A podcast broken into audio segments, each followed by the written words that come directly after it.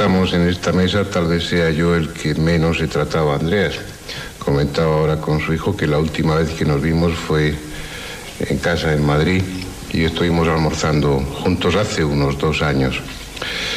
Por eso yo no voy a echar de menos a Andreas, le voy a seguir echando de menos, porque siempre me quedé con ganas de tener más trato con él. Y yo creo que a él le pasaba lo mismo conmigo. Encajábamos muy bien. Los dos eh, somos un poco raros. Yo creo que él seguirá siendo un poco raro también por allá arriba.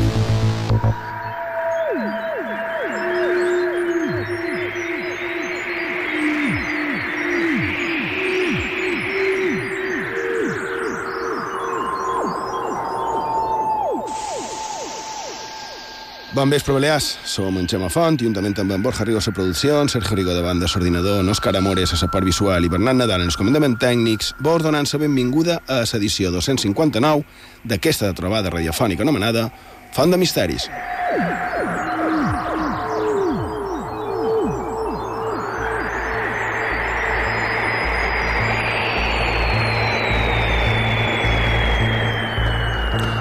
Bon vespre, Borja, Sergio, encara que amb una versió reduïda per una, dels esports. una versió express de Font de Misteris, Exactament. bon vespre. Bon vespre. Però aquí estem, no? Aquí estem, i per cert, hem escoltat en el començament, Sí. ja dona pistes per l'aventura de, del tema d'avui. Érem, érem Fernando Jiménez del Oso parlant d'en Andreas Faber-Kaiser. Correcte. Però l'he triat especialment en aquest perquè en, en Jiménez de l'Osso va fer una reflexió. Això és, és d'un homenatge que el varen fer just després de la mort a l'any 94. Bé, podríem dir que ara ja tornen a estar, tornen a estar en comunicació. ells dos. Exactament, deuen estar plegats. Però l'he triat simplement per, per un detall, que és que diu que li hagués agradat conèixer-lo més. I crec que això per aventura podríem fer extensiu a nosaltres també. Sí, bé, en, tota la raó. En el, en el meu cas, no el vaig conèixer personalment. Mm, Ja era jove quan, quan, va, quan va morir. Sí que el coneixia per la seva feina i, i pels seus programes, de, que l'altre dia, comentant amb en, amb en Jorge Coelho d'Eivissa, um, ho, vaig, ho vaig recordar, no? Anar, anar a la serra de Tramuntana per, per tractar d'agafar les zones que arribaven de, de Catalunya i, i poder escoltar aquells programes de misteri no? que se feien eh, en el començament dels, dels 90 des d'allà. De, però, però sí, interessant. I, I la veritat és que, és que sí, hagués estat una, una autèntica passada haver- haver-lo pogut conèixer personalment. Uh, Sergio, si te sembla molt ràpid, podries uh, dir què farem avui, ja ho hem adelantat, i també formes de contacte. I d'avui, en aquesta edició reduïda de Font de Misteris, seguim l'homenatge a un dels pioners del misteri que fem la setmana passada. En aquest cas, continuem aquesta mitja hora a més sobre la vida i obra d'en Andreas Faber-Kaiser. I també vos recordam que podeu interactuar amb nosaltres a través de Facebook i Twitter cercant Font de Misteris, a través del WhatsApp del programa, en el 659 769 52, ho repetim, 659 769 52, i en el correu electrònic fontdemisteris arroba ivetresradio.com. Que, per cert, Gemma, ens han dit que vares deixar eh, noms sense dir la setmana passada, quan van fer un repàs dels pioners del misteri, per exemple, a Miguel Blanco. Bé, sí, cert. Però molts de noms. Molts, molts. La veritat és que molts de noms per dir, i és que quan vaig, vaig citar un grapat de- d'investigadors, no? de divulgadors del misteri, i evidentment, sí, varen quedar molt per dir. Però vos fixeu en lo positiu que és que tu te poguessis oblidar, entre cometes, de molts de noms. Sí, sí, fent un repàs eh, a noms d'investigadors damunt d'aquest tema, sí, és cert, però és que n'hi ha molts, eh? Quan, quan ho comença a mirar... precisament per això ho dic. En, en Miguel Blanco és, és un d'ells, a més, és un dels, dels veterans. També aquí, a les nostres illes, en, en José María Ibáñez, company i amic, salutacions, Josep Maria. I molt més, clar que sí, el Germán Roldán a, Catalunya, a Sílvia Casasola, a Madrid, no sé, molts. Però era per no estendre'ns massa, perquè, com bé dius, Borja, han de pensar, han de tenir present que hi ha un bon grapat, i a més, molts d'ells són, són amics personals. I ja aquí som, gràcies també per vostres missatges, perquè, a més, la conclusió que, que hem estret és que pot ser interessant això de fer homenatges a altres a pioners eh, que han fet una tasca en, en això de, de l'investigació, l'estudi, la divulgació de que, dels temes aquests que nosaltres, genèricament, coneixem com a misteri.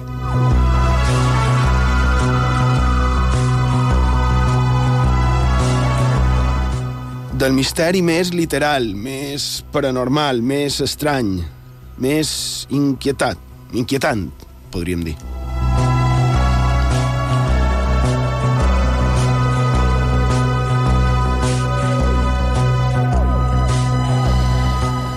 I com bé ha dit en Sergio, i abans de que se'ns acabi no, aquesta mitja horeta, volia continuar on ho varen deixar dissabte passat, just en el moment que volien comentar un dels seus llibres, hm?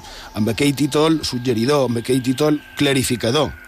Un títol que no deixa lloc a cap dubte de, del seu polèmic el manco en el seu dia. No sé avui dia com, com cauria això, no? però sí que va ser polèmic en el seu dia.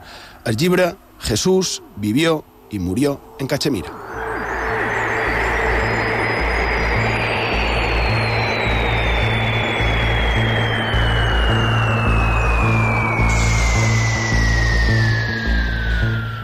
I ara, ara la pregunta que fèiem entre nosaltres i també la, la fèiem extensible a l'audiència és i tu quantes còpies tens d'aquest llibre? També? Jo tinc la primera edició, eh?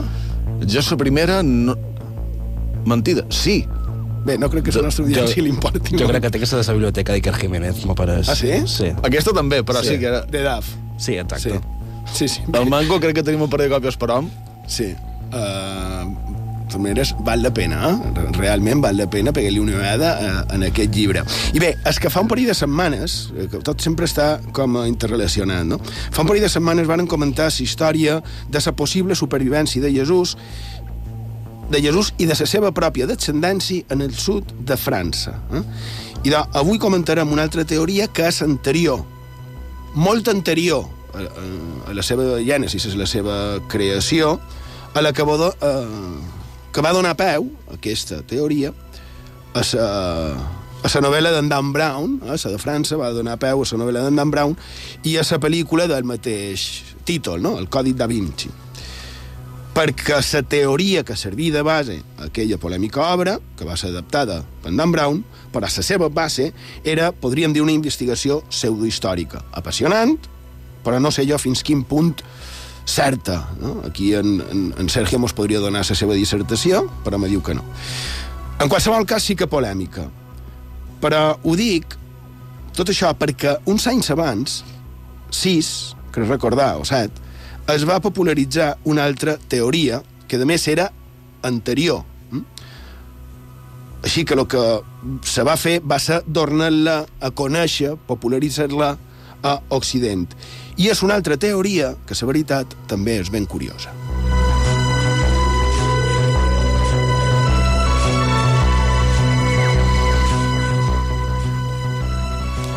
I és que abans d'aquella que va tenir aquell gran ressò, el bestseller d'en Dan Brown, n'Andreas Faber-Kaiser va recuperar, va donar difusió aquí, a Occident, a una antiga creença o, o tradició, tal vegada només una llegenda, però que en qualsevol cas eh, el donar-lo a conèixer, el seu coneixement, va ser polèmic i, i no només per això, perquè al llarg de la seva trajectòria va ser polèmic, Andreas, per diversos motius. A veurem eh, fins a on podem arribar. Per ara anem amb aquell llibre publicat en aquella Espanya lluny després de la mort d'en Franco, l'any 1976, i que té un títol que, com he dit, jo crec que resumeix un poquet, no? Jesús vivió i murió en Cachemira, així, talment.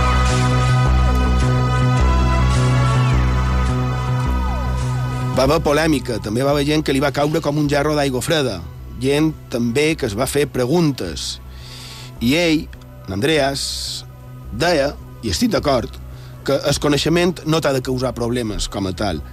Perquè no perquè te diguin el que no t'agrada t'has d'enfadar. De, Està clar que no, no ens agrada saber segons quines certeses o que tal vegada que es posin una veritat davant que no, que no es vengui de gust, però mai enfadar-se perquè et mostrin o et demostrin una informació que com a tal pugui ser certa. A, me, a menys, clar, que el que vulguem sigui viure en, en ignorància. Clar, així que ell, independentment del que pugui haver de cert en el darrere, però ell, Andreas Faber-Kaiser, el que feia era dedicar-se a analitzar dades. Mm? I en resum, diu això. Primero, que no me quedo ni con uno ni con otro, me quedo con el en medio, que es el que calibra que esto puede ser cierto y lo estudia si le interesa y si no lo deja ahí aparcado y lo sabe, pero no se lo toma tan a la trágica.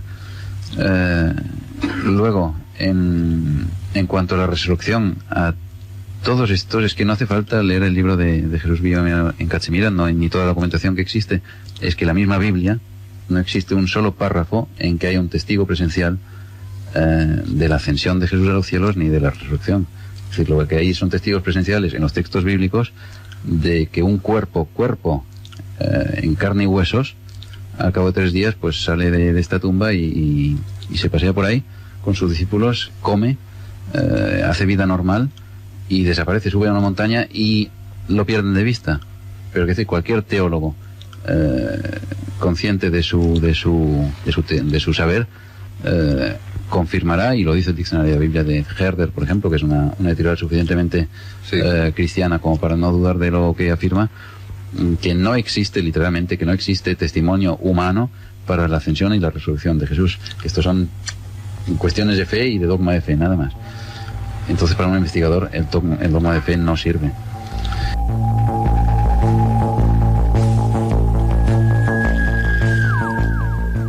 Crec que és molt interessant. També ens diu que analitza la Bíblia i a partir d'aquí desenvolupa una, una teoria de la que resulta, resultaria, que Jesús, essent ja considerat com a home sant, estiria enterrat a un santuari, a Cachemira. Allà estaria enterrat el seu cos, eh? que també seria venerat per una secta. Aquí hem d'entendre secta com a grup religiós en certa creença. Eh? No, no el que aquí eh, sovint deim és una secta, no, no és exactament aquest concepte en el que faig referència. I tot això com arriba a succeir, que acabi el seu cos allà? Com és que Jesús, el conegut com a Jesús el Nazaré, acaba enterrat a Cachemira. I de, el propi Andreas Faber-Kaiser ens ho diu en aquesta vea ja entrevista que li feren allà pels anys 80. La base del libro es que Jesús efectivamente fue, fue crucificado, un viernes a mediodía, que no tuvo tiempo suficiente de, estar colgado en la cruz como para morir, estuvo tres horas en la cruz. Mm, reflejo de ello es que los dos eh, hombres que están colgados junto a él en sendas cruces se les tienen que quebrar las piernas para que acaben de morir. Mm, aquí hay todo un análisis del lienzo de Turín, por ejemplo, que cada vez más está eh, evidenciando que realmente es el lienzo que envolvió el cuerpo de Jesús para a través de los puntos de sangre que, en él se reflejan, demostrar que, que Jesús estuvo eh, vivo en el momento de ser bajado de la cruz, los puntos de sangre eh, que existen en, en, la región en donde estaba su, su, cabeza, en los brazos, en los costados, mm, de sangre líquida, demuestran que aquel cuerpo estaba seguía vivo, no estaba muerto, no se había golpeado la sangre en, en las partes bajas de las piernas como tendría que haber sido en caso de estar muerto, había sangre líquida que, que, fluía de sus heridas en el momento de, haber sido, de ser envuelto en, el lienzo, sea como sea. En el cuerpo no se entrega curiosamente a sus enemigos, sino que se entrega a un amigo eh, de Pilatos y de Jesús, a José de, Arimatea, y el que ofrece su sepulcro, amplio sepulcro en el que cabían perfectamente tres personas de pie, eh, para depositar el cuerpo. Se llama a un amigo de Pilatos y de José de Arimatea, que es Nicodemo, el médico que cura eh, las heridas de Jesús en este sepulcro, bueno, aquí lo digo así muy, muy por encima, pero en el libro está documentado todos estos contextos y con los textos que hablan de, de ello. Mm, cura las heridas de Jesús con un ungüento que es el Maram y Isa, que está citado, por ejemplo, en el famoso canon de Avicena, el, el libro clásico de medicina eh, musulmán que todos hemos estudiado en el bachillerato, Y, y, ahí el canon de Avicena habla del Mara Misa como el ungüento que curó las heridas del Señor. Después de esto, eh, Jesús huye, literalmente, se, se reúne con sus, eh, con sus discípulos que no dan crédito a sus ojos al verle delante de ellos, vivo en cuerpo y, y alma, en cuerpo y, huesos, en, en, carne y huesos. Eh, hay un discípulo que duda, entonces dice, bueno, por favor, tócame, verás que, que soy un cuerpo. Eh, el discípulo le toca y sí, sí, se da cuenta. Jesús pide comida, es un cuerpo que, que necesita, tiene necesidades humanas, pide pescado concretamente y, algo para beber, bueno, y huye. Aquí interviene, esto no lo digo en el libro, pero estoy convencido, bueno, es así, que le ayuda a la secta de los eseños que le ha preparado su huida hacia, al menos hasta el Pakistán, la parte de, de Irán y Pakistán. Luego ya enlaza con, con, otras sectas que le ayudan desde, desde la India. Mm, huye, eh, le acompaña, según los documentos, eh, su madre, María, aunque hay dudo eh, si es realmente su madre o si es otra María la que está acompañando. No creo que su madre aguantase este viaje. Mm, y le acompaña Tomás también, como digo.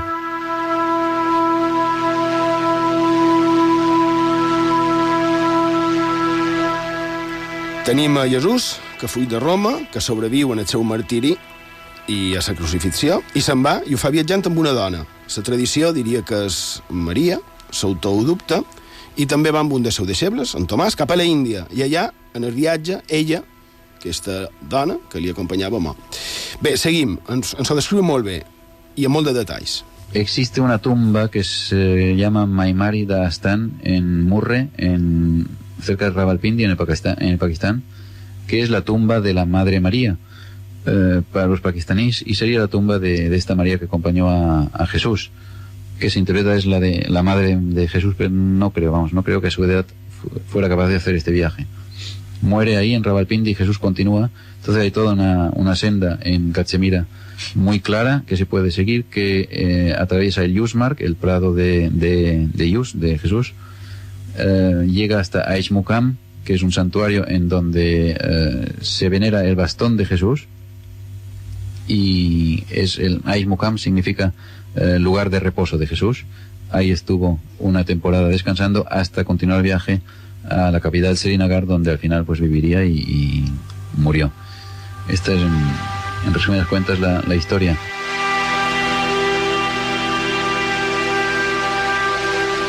I després, per si això no fos suficient, l'Andreas Faber-Kaiser ens afegeix una dada igual de sorprenent, o més, no ho sé, comparat amb el que diguérem o del que varen comentar del priorat de Sion. Perquè, clar, si és cert que va viure allà, a Cachemira, que va estar visquent allà, podria ser que hagués tingut descendència?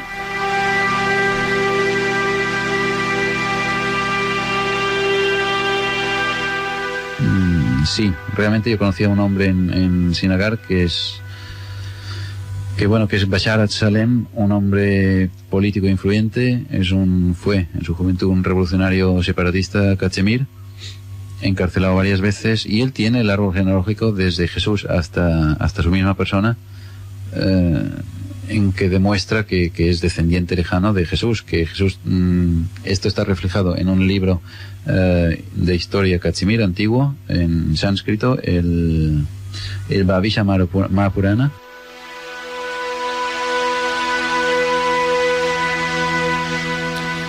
Increïble, no?, això darrer que, que hem escoltat. Jo, jo penso que un es queda bocabadat.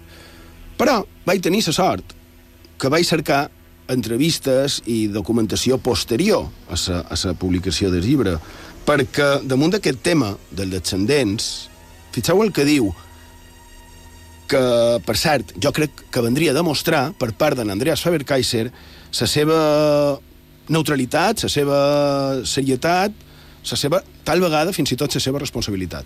Que en principio me pareció muy, muy honesto. Y me sigue pareciendo muy honesto, pero activos posteriores de, de protagonismo, simplemente personal, pues me hacen dudar un poquito. Eh, no dudo de su árbol genealógico, pero dudo, dudo, de él. Entonces no sé hasta qué punto él puede haber falseado un poquito eh, su historia. Y en un nuevo libro, desde luego, suprimiría este, este capítulo completamente. Porque además no tiene trascendencia.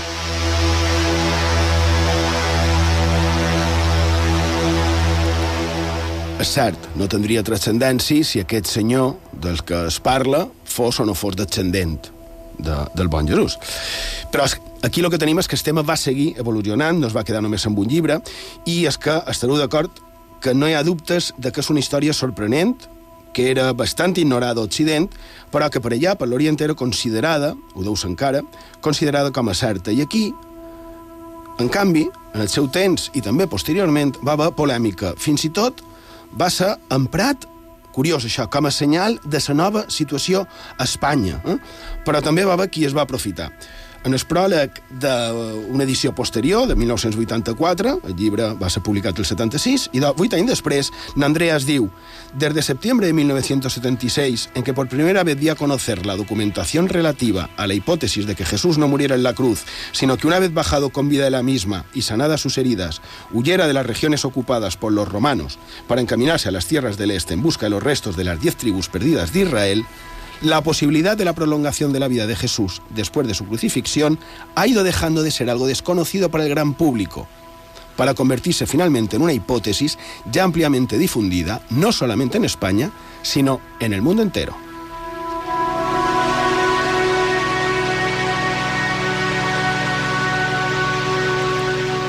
I raó. El va convertir en un best-seller. Va a sortir a mitjans de comunicació, televisió, ràdio, premsa.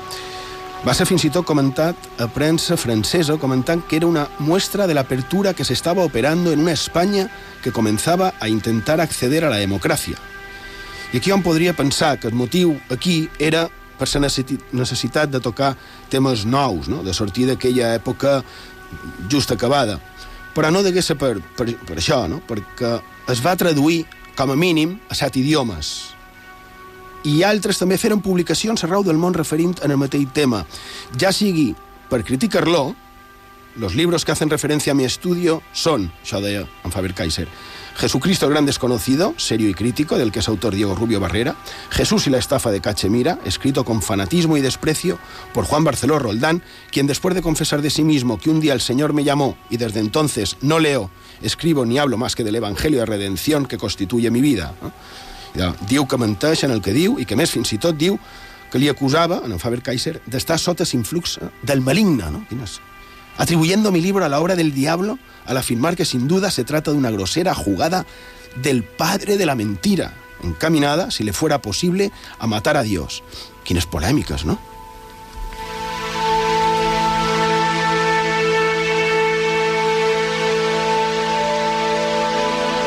I després, parlant del ressò del seu llibre, una altra referència, una altra publicació, en aquest cas, un senyor, Siegfried Obermeyer, que set anys després, eh, això va ser 1983, a Alemanya, aprofitant el treball d'en Faber-Kaiser, va publicar el seu llibre, no? un llibre que avui dia dirien que era, podria ser un refregit, no? on també dona difusió en el tema de la mort de Jesús a Cachemira, i en Faber-Kaiser ho comenta així. Todo sea por la difusión del mismo. Cuantos más opinen, más se activará el sentido crítico del lector.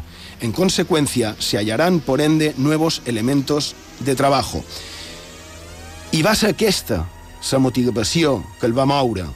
Fer que tots cerquem, que tots ens documentem, analitzem i tinguem el nostre criteri propi, valorar la informació i concloure lliurement, cosa que, per cert, a dia d'avui encara costa i molt.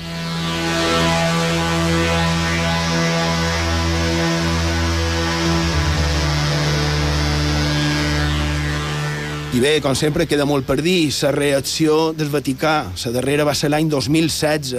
Una plana web associada en el Vaticà va fer uns comentaris. Crec, Sergio Borja, que haurem de seguir en, en Faber-Kaiser sí, sí. i seguir amb aquest tema perquè és apassionant. Seguirem amb Faber-Kaiser perquè aquest tema que hem començat a comentar avui, aquesta, aquesta hipòtesi de la tomba del bon Jesús a, a Cachemira, és i ara fent referència a un altre autor dels que ens agraden és la punta de, de l'iceberg, perquè hi ha molt més per dir, hi ha molt més temes polèmics que va tractar en Faber-Kaiser i, i val la pena comentar-los. Totalment d'acord. La pena per jo, parlant de Cachemira, sap què és? Que a dia d'avui Cachemira segueix sent massa sovint protagonista en els mitjans de comunicació. És cert, però malauradament no per aquest motiu, sinó per la seva situació de violència no? a la frontera entre Pakistan i la Índia. Bé, uh, una petita pausa i acabam.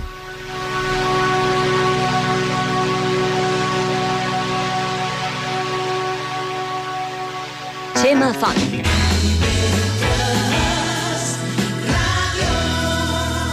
Font de misteris. Cada dia, quan manquen 5 minuts per les 9, mirant l'actualitat des d'una altra perspectiva. Andreu, podeu cridar siga més que tenim i no es conyi un flamenco rosa passejant per la terminal. A la picolíssima estic intentant que me fitxin. Hombre, el que era tremendo es el desenllaç de la darrera temporada. ¿Sabéis que en Friends al final dejan el... Tenim el...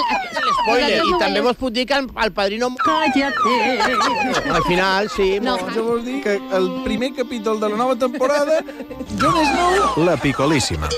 A l'informatiu matí d'IV3 Ràdio. on la història es torna llegenda, a on el més quotidià es torna màgic. Acompanya'ns a la nostra font de misteris a IB3 Ràdio.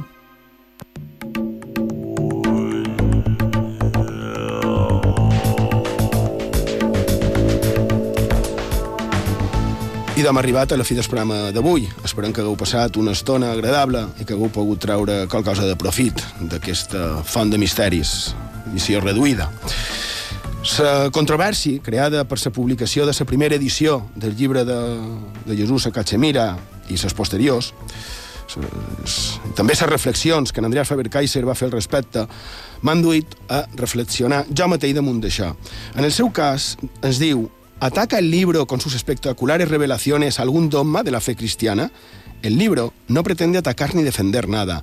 Mi intención no es hacer religión ni antirreligión. Es algo que no me interesa en absoluto. El libro refleja un estudio histórico de un personaje importante. I ja després ve a dir que si per aquest motiu qualcú eh, es pica, que és gratis. Eh? Però el que crec que és important és recordar que els altres, qui sigui, el prògim, ja que hem citat eh, a l'església, pot ser que pensi diferent a nosaltres. No per això ens hem de creure per sobre, com per discriminar, marginar, atacar o tractar de defensar de manera violenta el que és per nosaltres una veritat indiscutible. Digue-li d'home de fe, digue-li el que vulguis. Estiria bé, en aquestes utopies de gairebé la mitjanit del dissabte i B3 Ràdio, que ens plantegéssim tots la necessitat de tractar de pensar per nosaltres mateixos. Ja sé que és més fàcil el contrari, que ens ho donguin fet, però tal vegada així evitarem la manipulació dels uns o dels altres en el seu benefici i la falsedat, o que ens facin creure coses que no són i que tal vegada mai han estat. I és que sembla que se vol que siguem un grapat d'ignorants per ser així més fàcilment, no sé, manipulables tal vegada.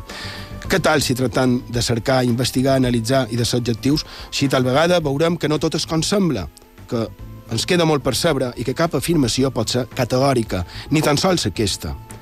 I sabeu, així segurament ens adonarem que els que pensam que són postures contràries i llunyanes a les pròpies, tal vegada no ho siguin tant, i que és molt més fàcil del que pensam respectar els altres, malgrat pensin una mica o bastant, tant se fa, pensin diferent a nosaltres mateixos. En qualsevol cas, tornat, tornant amb en Faber-Kaiser, volem fer nostres unes paraules seves. Jo no cesaré la búsqueda de la verdad, por, lo que, por la que nos han prefabricado como respuestas que no aclaran nada. No me sirve lo más mínimo. Una entitat encoberta, una realitat virtual, mecanitzada i organitzada, és tan difícil d'entendre i sovint tenim els ulls clucs. Però si la veritat fos un oceà, i cabria dins la ment humana? Per què tots ens quedam en la ignorància? Filosofia i teologia, mostra'ns una llum, mostra'ns el camí de la vida. Pens, llavors som. Del Gesman Cor, Secret Life, Vida Secreta. Agi Pau, bona nit. Gràcies per la vostra companyia. Fins la setmana que ve.